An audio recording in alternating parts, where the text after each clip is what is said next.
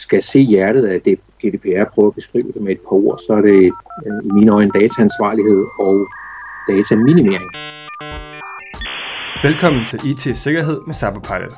Værterne er Rasmus Vinge og Frederik Nielsen. De vil diskutere og komme med løsningsforslag til emner inden for IT-sikkerhed og GDPR, hvor Rasmus som IT-sikkerhedskonsulent har fokus på det faglige, det tekniske og compliance-delen, mens Frederik som ansvarlig for awareness-træningen her på Cyberpilot har fokus på, hvordan viden bedst formidles og kommunikeres ud i organisationer. Ingen salg og ingen snak om statssponsorerede kinesiske hackere. Målet er at hjælpe dig som lytter med at skabe en god IT-sikkerhedskultur i din organisation.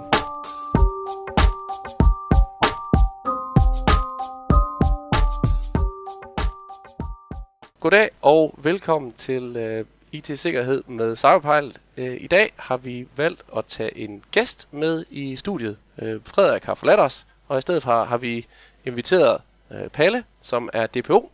Og uh, Palle, du kan jo lige starte med at, at sige hej. Ja, hej med jer alle sammen.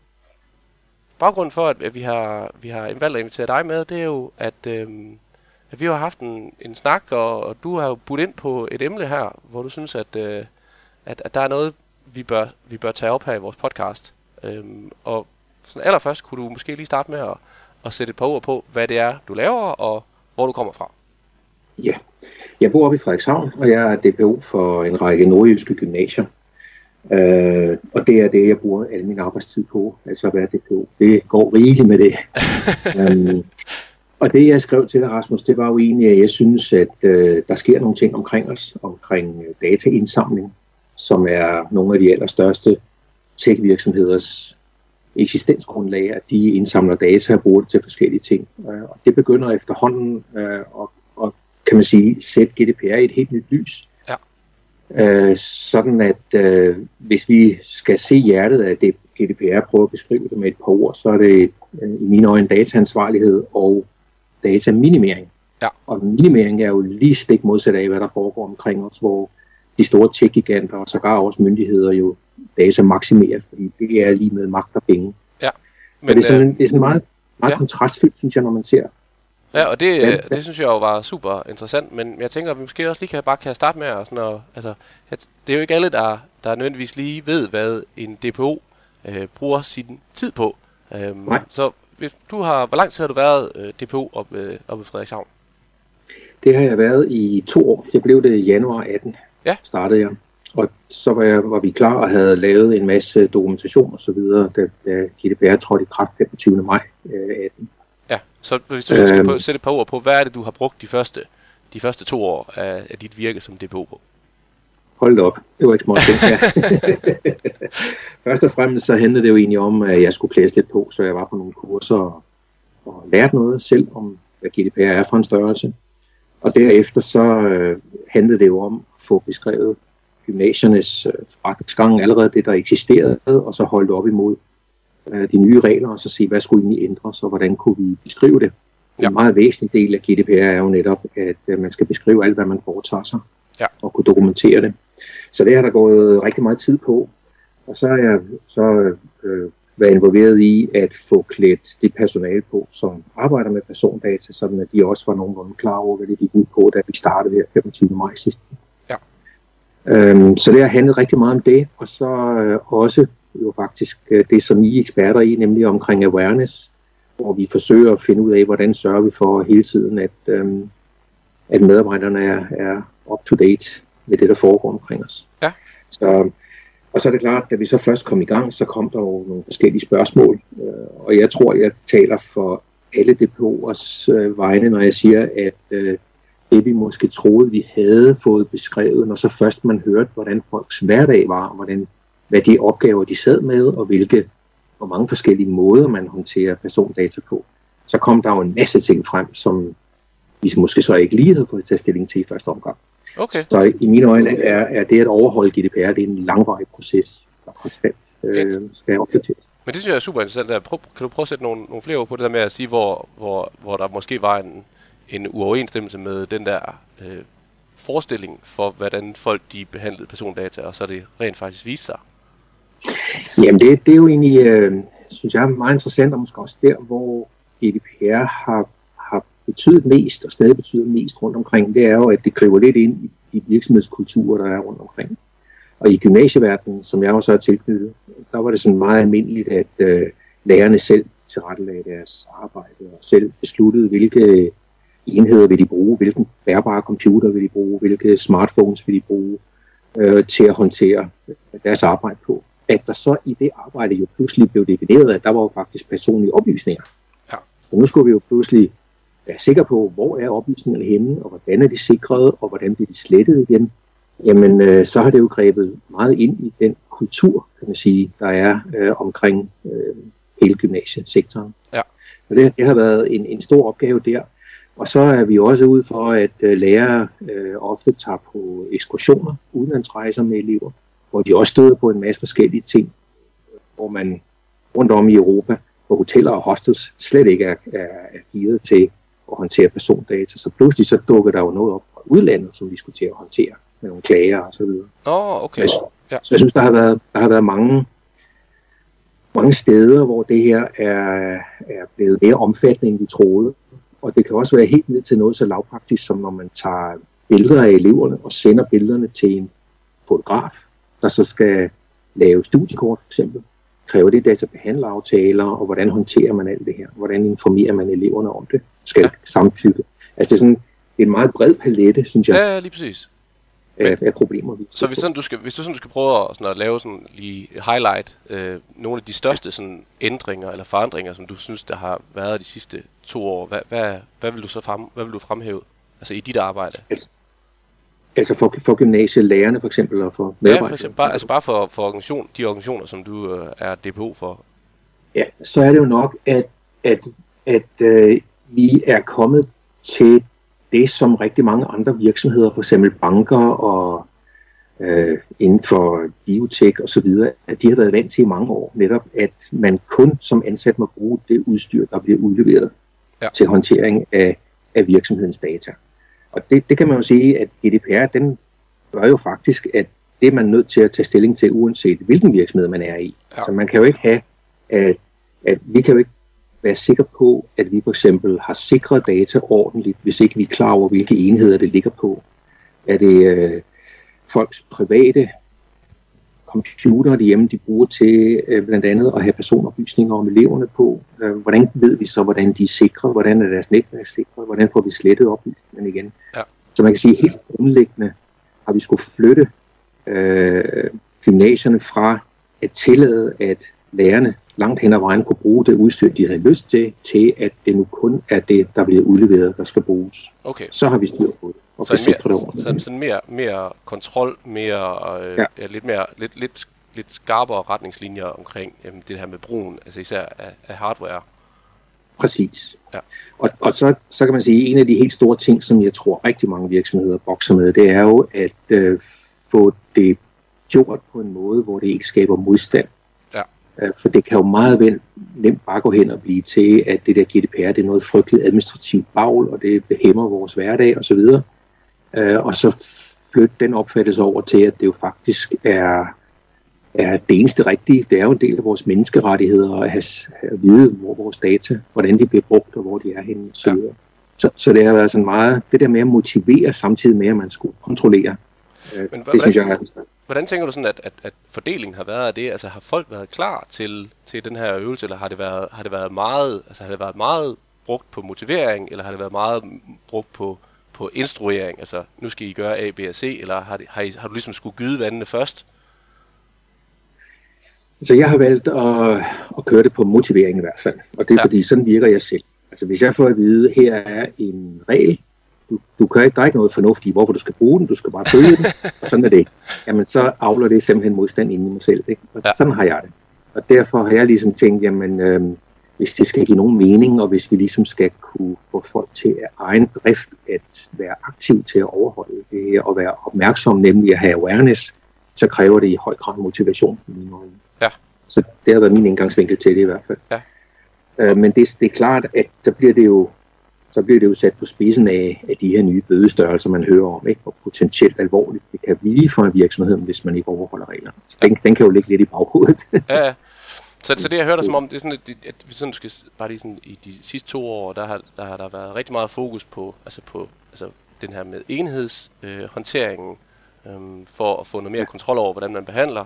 Så har der været en, en stor opgave i, i det her med at få motiveret og få folk gjort opmærksom på, at at der er noget GDPR, og ligesom, som du siger, der med at motivere dem til at sige, at det her det er alles ret, og, og vi gør det af nogle moralske overvejelser. Og så, ja. og så de her altså, mere klare, altså måske også den her analyserende del af, hvordan er det virkeligheden rent faktisk ser ud, og hvordan er det så, ja. vi, vi griber det an. Ja, og der kan man sige, at i hele det her, der har det største, det største opgave, det har jo netop været alt bærbart udstyr, ja. som, som forlader gymnasiet, forlader virksomheden. Ikke? Ja det er jo der, hvor man virkelig kan sige, okay, der kan tingene altså godt nok gå galt, så det er der, øh, fokus har mest været på. Internt synes jeg faktisk, at gymnasierne har i forvejen haft nogle rigtig gode og ansvarlige måder at løse tingene på, så det har egentlig været en mindre del af det, synes jeg. Sådan du kigger sådan lige, hvad er det, du arbejder med nu, og, og hvad er det også for nogle ting, du tænker, der, der er vigtigt at fokusere på øh, fremadrettet, sådan i den nærmeste fremtid? Ja, altså øh, det sidste øh, halvårs tid, der har min fokus været på slætning af oplysninger. Mm. Øh, for jeg synes egentlig, vi er kommet meget godt i mål med at dokumentere, og vi er kommet sådan rimelig langt med at implementere interne rutiner, så nu handler det rigtig, rigtig meget om at hive fat i netop alt bærbart udstyr, der forlader virksomheden, og sikre os, at, at uh, tingene derfra så rent faktisk også bliver slettet, når de ikke længere skal bruges. Ja. Uh, og det er jo det, der kan man sige er et af hjørnestenene i dataminimeringsprincippet, princippet, ikke? at uh, vi skal altså kun have oplysningerne, så længe det er relevant, så længe formålet er der. Ja. Øh, og det er lidt svært, fordi der kan man selvfølgelig vælge mange måder at gøre det på. På e-mail-siden kan man vel styre det lidt fra, fra virksomhedens siden, så man kan skubbe en politik ud, der automatisk ja. sletter fra e-bakke for eksempel.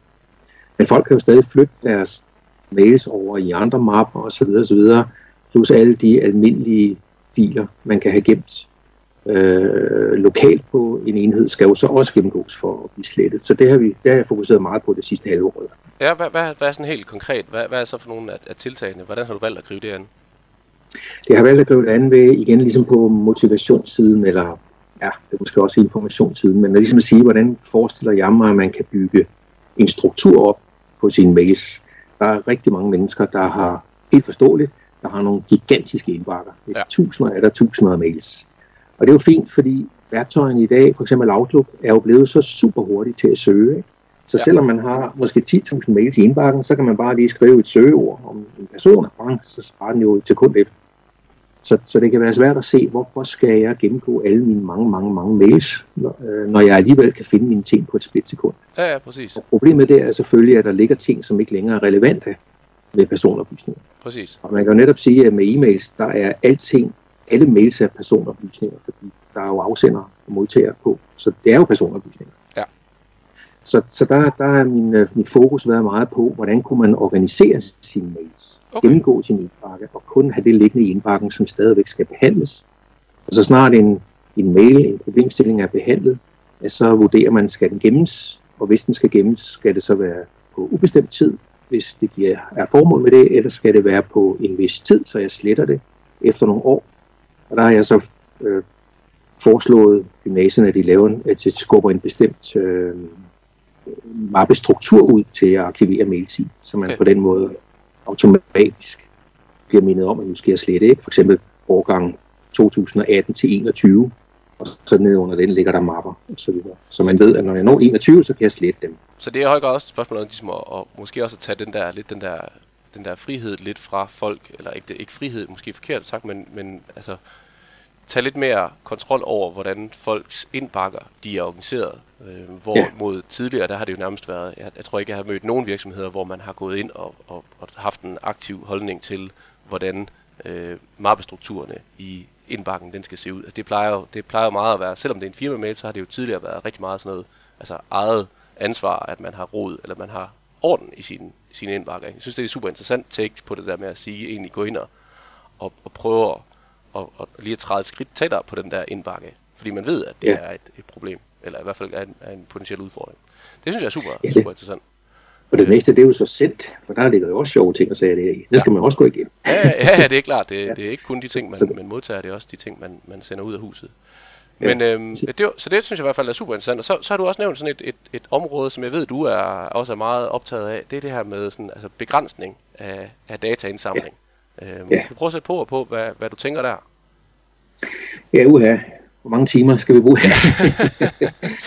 Jamen, der, der, der ser vi jo, synes jeg, også ekstremt ofte i medier og i det her med, at der bliver samlet persondata i helt stor stil, kommer mere og mere frem, og vi hører sågar Margrethe Vestager jo tit er ude og have fat i noget af det her, at øh, når vi søger på Google, så er det ikke os, der søger, men det er Google, der søger på os, og så, videre. Så, så, så man kan sige, at myndigheder og alle er jo begyndt at blive rigtig opmærksomme. Ikke mindst, tror jeg, fordi GDPR så klart definerer, at dataminimering er en del af menneskerettigheder. Ja. Og der kan man sige, at persondata, det er ligesom det nye guld, det nye olie. Det er super mange penge værd. Og derfor er der jo rigtig mange virksomheder, Google, Facebook osv., som øh, har i hele deres forretningsgrundlag, at de skal have så mange data om os som overhovedet muligt, og lære så meget om os, og så dermed også kunne forudse vores næste behov, ja. og være klar med, med annoncer. Og det synes jeg er så omfattende, og det er desværre også så skjult, at selvom vi nogle gange føler, at vi har egentlig givet en accept til det, så er det ofte i forbindelse med måske nogle licensaftaler, der er så komplekse, at det er enormt svært at gennemskue, om hvad det egentlig er, vi giver accept til. Ja. Øhm, Men, og det, det synes jeg er lidt spændende, også når man ser på, hvad der sker på vores øh, hjemmesider. Ja. Jeg tror, at alle, der lytter med her, øh, er en del af en organisation, hvor man på, på den pågældende hjemmeside har nogle øh, Facebook-ikoner, eller ikoner til andre sociale medier nede i bunden. Og det er jo helt naturligt, at man linker til de steder, hvor man i øvrigt er repræsenteret og gerne vil have folk følger med. Men bare det, at man har sådan en Facebook-like-knap eller en Facebook-pixel, som man kalder den, det lille ikon, det er jo nok til, at Facebook øh, indsamler data om brugeren, uden at man i øvrigt behøver at klikke på det ikon. Ja. Og det har datatilsynet for nylig udtalt sig om, at og siger, at ejeren af en hjemmeside er faktisk ansvarlig for de data, som Facebook opsamler ja. på sin hjemmeside. Og så synes jeg jo virkelig, nu begynder det altså at rykke lidt, fordi har vi noget som helst styr på, hvor sådan nogle oplysninger ryger hen? Øh, ved vi, hvad formålet er med, at Facebook indsamler det, og hvor de opbevarer det? Hvem der kan se det, hvornår de sletter det? Er vi overhovedet i stand til at informere dem, der besøger vores hjemmeside om, hvad der bliver indsamlet af data osv.? Det er, vi jo, det er vi jo pligtige til, når vi er ansvar for de data. Så har vi også en informationspligt. Så jeg synes jo, at det her det åbner simpelthen en helt ny øhm, skal man sige, problemstilling. Jeg er helt sikker på, at, at det her det er jo, det her det er jo et kæmpestort problem, men, men det som jeg også, også, når jeg samtidig med at høre det der, så tænker jeg også sådan lidt, at det bliver også sådan, altså det kan også, og du ved, at vi har også, øh, du kender jo godt mig, og jeg kender dig, og så det der med, jeg, jeg, jeg, jeg kan jo godt sådan lidt tænke, at det bliver også sådan lidt et korstog, altså det bliver også sådan, det, det er også en lang, det er en lang vej at gå, det, det er et stort emne at skulle tage op. Øhm, ja. hvordan, hvordan oplever du, at, at det bliver modtaget, når du øh, bringer de her emner på banen, fordi det er jo en klassisk, kan man sige, det er jo en klassisk øh, udfordring, som man også forestiller sig, hvis man nu ikke sad i gymnasiet, hvis man sad i en, i en almindelig øh, eller en privat organisation, så vil det jo være en, en, en problemstilling, som jo typisk vil opstå øh, mellem dem, som er ansvarlige for datasikkerhed, og dem, som er ansvarlige for markedsføring. Øh, Præcis. Øh, altså typisk ejer, det er jo, det er jo typisk hvad hedder det, marketingafdelingen, salgsafdelingen, som er ejerne af, af, af hjemmesiden, og ikke øh, den IT-ansvarlige. Så der, ja. der ligger nogle konflikter der. Hvordan tænker du, at, at, at, at folk er, er, er organisationerne moden til øh, at tage de her overvejelser op? Øh? Altså, jeg håber jo, at de er modne til at overveje det, fordi jeg, jeg er fuldstændig enig med dig i, at det vil jo være et korstog, hvis man selv prøver at påvirke, øh, hvordan de store datatek-giganter indsamler data. Det kan vi ikke. Præcis. Men, men, men netop når datatilsynet går ud og siger, slår fast, at man som ejer en hjemmeside også er ansvarlig for, hvad der bliver opsnappet fra ens hjemmeside oplysninger. Ja. Jamen, så er de jo også i stand til at placere et ansvar, og dermed også øh, bøde og pålæg og hvad ved jeg. Jamen, så mener jeg jo egentlig, at så er vi jo nødt til at tænke over, hvordan gør vi. Selvfølgelig er det på et niveau på nuværende tidspunkt, hvor, hvor ikke rigtig nogen præcis ved, hvordan man håndterer det. Men, men øh, jeg mener jo egentlig ligesom med cookies, at, øh, at det er jo noget, som vi vil se, der vil ske en masse ændringer i kravene øh, til os. Og datatilsynet udtalte i forbindelse med det her, at, øh, at de faktisk forventer, at alle, der har de her Facebook-ikoner liggende på deres hjemmeside, skal have en en dels dataansvarsaftale med Facebook. Ja. Alene det kan man jo sige, hallo, hvordan i alverden havde de tænkt sig, at vi skulle kunne komme igennem med det. Men det er altså det, som myndighederne kan sige, forventer, at øh, skal blive løst. Ikke? Men det synes jeg jo, at, ja, det, det, det, det, jeg synes jo virkelig, det er interessant det her, og jeg tror, som, altså, jeg, er også, jeg er også glad for, at du siger det der med, at, at det i hvert fald i første omgang er noget, som man skal være opmærksom på, fordi ja. at, at jeg tror måske, det kan man sige, der, der er timing måske også helt rigtigt i forhold til at sige, det er ikke nødvendigvis, at det er noget, vi behøver, og hvis man nu kommer ud som IT-mand øh, til, øh, til, til marketingafdelingen lige nu her, det er jo ikke, må man sige, det er, I skal bare være opmærksom på, at vi kommer til at stå over for den her problemstilling, og I skal være opmærksom på, at det er noget, som datatilsynet har fokus på, og derfor så skal ja. vi nok forberede os på, at det er den vej, det går. Ja, øhm, præcis. Og så er det jo altid det der med, at det, det kan være dyrt at være den, der skal, der skal være first mover på nogle ting, øh, og det kan være besværligt, men, men, men, og det er jo hele tiden den der, den der, øh, den der risikoafvejning om, øh, hvad, hvad, hvad er vores, hvordan er det, vi har vores aktiviteter i dag, og hvad koster det at lave det om, og skal vi være dem, der skal være duksene i klassen, eller skal vi være dem, der skal lægge sådan lige i, i, i hælene på de andre?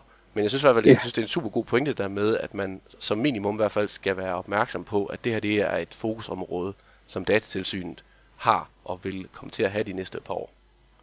Ja, så synes jeg, det er interessant, når vi netop taler om, at uh, awareness-træning, det er jo egentlig også et spørgsmål om at motivere folk. Til at forstå vigtigheden af nogle ting. Og der, der synes jeg, at, at det er en super vigtig motivationsfaktor, det her med, at der er altså rundt om os er datamaksimering. Og det vi kan gøre, vi kan ikke kæmpe imod det, men vi kan i hvert fald dataminimere. Ja. Vi kan i hvert fald sørge for, at vi får slettet vores ting, når vi ikke skal bruge det længere, osv. osv. Ikke? Ja. Så jeg synes, det er en stærkt motiverende faktor for at overholde reglerne. Og den anden side af det, det er, at som jeg måske også tænker øh, på en lidt længere bane er relevant, det er, at vi kan, jo, vi kan jo dykke ned og fordybe os i hver eneste artikel i persondataforordningen, og så gå i fuldstændig detaljefokus øh, ned i at prøve at overholde hver eneste lille mulighed for at tolke tingene. Ja. Hvor jeg egentlig synes, at det er vigtigt at, at få styr på de overordnede retningslinjer, og så træde lige et skridt tilbage og så se på, hvad er det egentlig, det hele handler om. Ja, det og det mener jeg egentlig, det er datamaksimering mod dataminimering. Det er og så sætte fokus ind på det, ikke? Så, man, så man ligesom bevarer overblikket. Og der synes jeg, at den, den her snak, vi har nu, den er super relevant i forhold til netop at, at se det i et større perspektiv det hele. Ja, men, øh, og det, det er jo altid det der, og det er også det, vi prøver meget at belyse, det er den der med, netop det der med at have noget opmærksomhed på nogle emner, øh, og så finde den der, den gode pragmatiske løsning, og måske også få, ja, få taget de her ting op i god tid, således at man ikke bare kommer til at stå med, altså at være bagud. Fald skal være opmærksom på, at det her det er nogle ting, der kommer til at bevæge sig, og, og hvor er det, vi er på vej hen? Øh, hvad, er det, man, går, hvad er det, man kan forberede sig på, øh, der kommer til at ske i løbet af, det næste år eller to? Men, øhm, ja, må jeg prøve ja. at komme med et eksempel på, hvad vi har oplevet i, på gymnasierne, ja, hvor endelig. det her egentlig viser sig faktisk at være et problem. Det er jo, når, når nogle af lærerne, for eksempel i øh, samfundsfag og historie, har opgaver, de deler ud til eleverne, hvor eleverne skal søge på specifikke ting og prøve at finde, finde vej i det her. Og der har de oplevet lærerne, at hvis eleverne googler nøjagtigt samme ord på hver deres computer, så får de helt forskellige søgeresultater. Fordi Google jo netop prøver at profilere alt, hvad vi laver, og så ligesom lave, hvad skal man sige, give os nogle svar, der matcher den holdning, vi har, eller de meninger, vi har, eller det, det der ligesom pleaser os. Så man kan sige, at hvor vi måske tror, at vi får en fuldstændig ensartet søgning, når vi søger, så er den allerede der, øh, ligesom lagt ind i en tunnel, der matcher vores øvrige meninger. Ikke? Ja. Så lærerne har jo faktisk et udtryk for, når jeg spørger dem direkte, at, at, det er jo faktisk sværere for dem at udfordre elevernes holdninger og meninger, fordi de bliver ligesom bare støttet i det, de mener i forvejen, når de søger.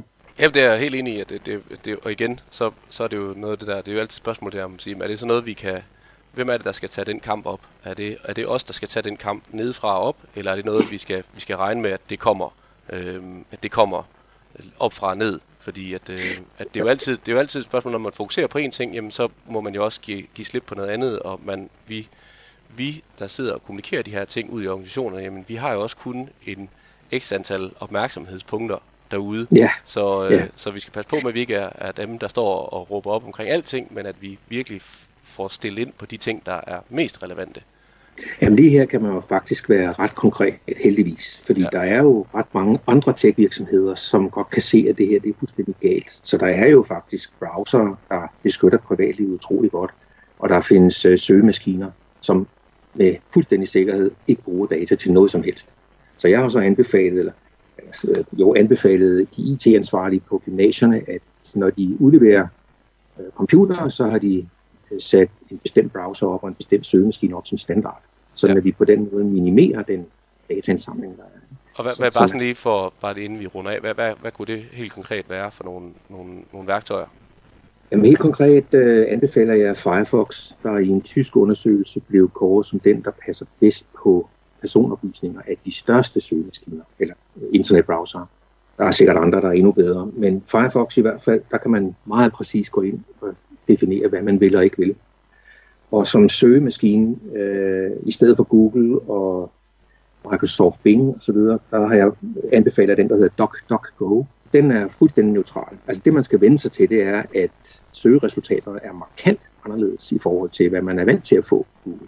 Men det er jo så, fordi der er ingen tracking og ingen sporing. Man får råt for usødet det, man søger. Ja. så det er meget interessant at se, hvad, hvad, hvad man får anderledes egentlig ved at bruge den. Så det er altså Firefox DuckDuckGo, der er min anbefaling. Ja, og hvordan, hvordan, øh, hvordan bliver det modtaget, når du, når du kommer med de anbefalinger? Altså er folk klar til det, eller, eller møder de ja. simpelthen for meget modstand, når, når de så udleverer PC'er med det standardindstilling? Mm. Nej, altså som det er nu på nuværende tidspunkt, der er det jo så øh, de maskiner, der bliver udleveret fra nu af, der er sat op på den måde. Og det er jo så bare standard. Om så brugerne, og så prøver vi jo så at fortælle brugerne, at det giver mening at bruge dem her, men om de vælger efterfølgende at øh, downloade en anden browser og bruge Google, det kan vi ikke rigtig styre på nuværende tidspunkt. Så så langt er vi ikke endnu. Man kan sige, det er så, som du også er inde på, vi kan ikke, vi kan ikke øh, styre det hele selv, med, så Nej. vi starter i hvert fald med ligesom at gøre opmærksom på, at her kan man jo rent faktisk øh, påvirke dataindsamlingen. Jeg synes, det er, det, og det er jo igen det, er jo det, der er super interessant, det er det her med, i hvor høj grad vi, vi prøver at notche folk til at gøre det rigtige, eller gøre det, vi gerne vil, øhm, versus at, at, at, at tage kontrol over tingene. Øhm, yeah. Fordi det er, jo, altså, det er jo mennesker, det drejer sig om, og det er jo adfærd, og ja, det, det tager tid at, at ændre de her holdninger. Øhm, det gør det. Nå, Palle, vi, er, øh, vi har, jeg kan allerede se, at det her det bliver et, et væsentligt længere afsnit, end det plejer, men, men det, det tænker jeg, det, det tager udgangspunkt i, at det jo er, er super relevant uh, diskussion, og jeg synes, det har været virkelig interessant at høre fra dig, som jo netop sidder med de her udfordringer ude i hverdagen. Øhm, også lidt vælger at høre om, hvad, hvad, for nogle, hvad for nogle kampe du har, du har valgt at tage, hvad for nogle kampe du så ikke vælger at tage også uh, implicit derfra. Men så vil ja. jeg i hvert fald bare sige, uh, sige tusind tak, fordi du gad at, uh, at være med. Velkommen. Tak fordi du lyttede med på podcasten. Husk at trykke abonner, hvis du gerne vil have besked, når næste afsnit er klar. Du kan også tilmelde dig vores nyhedsbrev på vores hjemmeside. Her vil vi løbende komme med opdateringer. Hvis du har kommentarer, input eller idéer til podcasten, så skriv til os på info